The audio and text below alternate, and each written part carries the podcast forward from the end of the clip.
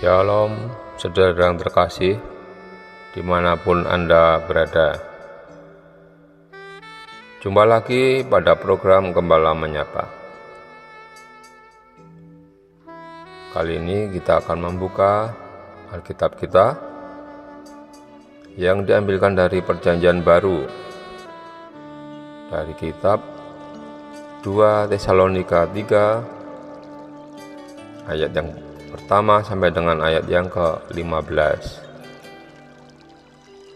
Ada punas yang terpilih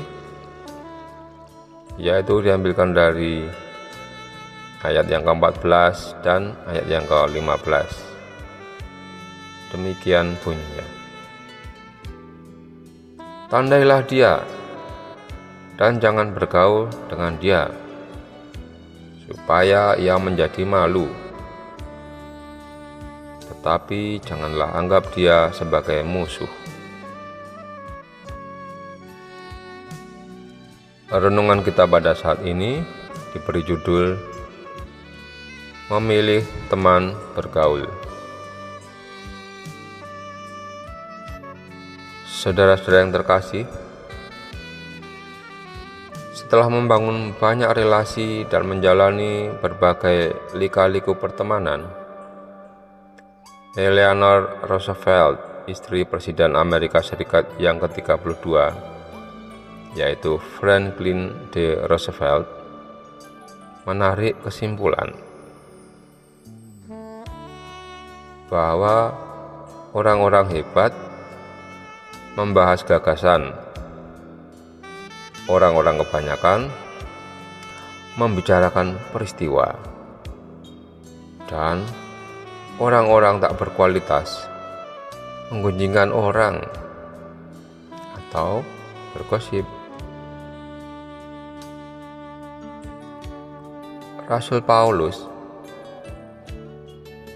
adalah seorang yang hidupnya dikendalikan oleh tujuan, yaitu membuat hal pewartaan firman Allah yang dipercayakan kepadanya mengalami kemajuan seoptimal mungkin disebutkan dalam ayat pertama. Demi tujuan itu, ia selalu mementingkan prioritas, termasuk prioritas dalam hal pergaulan. Ia pun berharap hal serupa dari jemaat Tesalonika. Meskipun tanpa niat memusuhi, namun jemaat harus tetap memilih dengan siapa mereka bergaul. Disebutkan dalam ayat 6 dan ayat 14. Beberapa orang patut untuk dijauhi, karena jika tidak, akan banyak tenaga dan waktu mereka terbuang sia-sia. Seperti yang diterangkan pada ayat 11 dan ayat yang ke-14. Saudara yang terkasih, bergaul itu besar ongkosnya.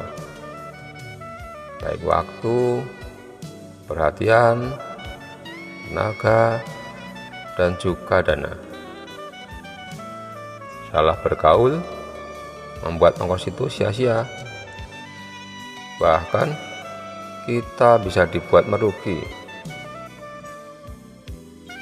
kita mengorbankan apa yang berharga dari diri kita untuk orang yang tidak memikirkan kebaikan kita. Bersikaplah tegas sebelum terlambat. Hindari bergaul dengan mereka yang tak menghargai waktu, yang hanya menginginkan ataupun memeras uang saudara yang cuma memeras energi saudara dengan aktivitas tanpa tujuan atau gosip ria tak bermakna. Bergaulah bersama mereka yang justru ikut menajamkan tujuan hidup dan mengasah kecakapan saudara untuk hidup makin menjadi berkat. Demikianlah renungan kita pada saat ini. Kiranya Tuhan memberkati kita semua. Amin.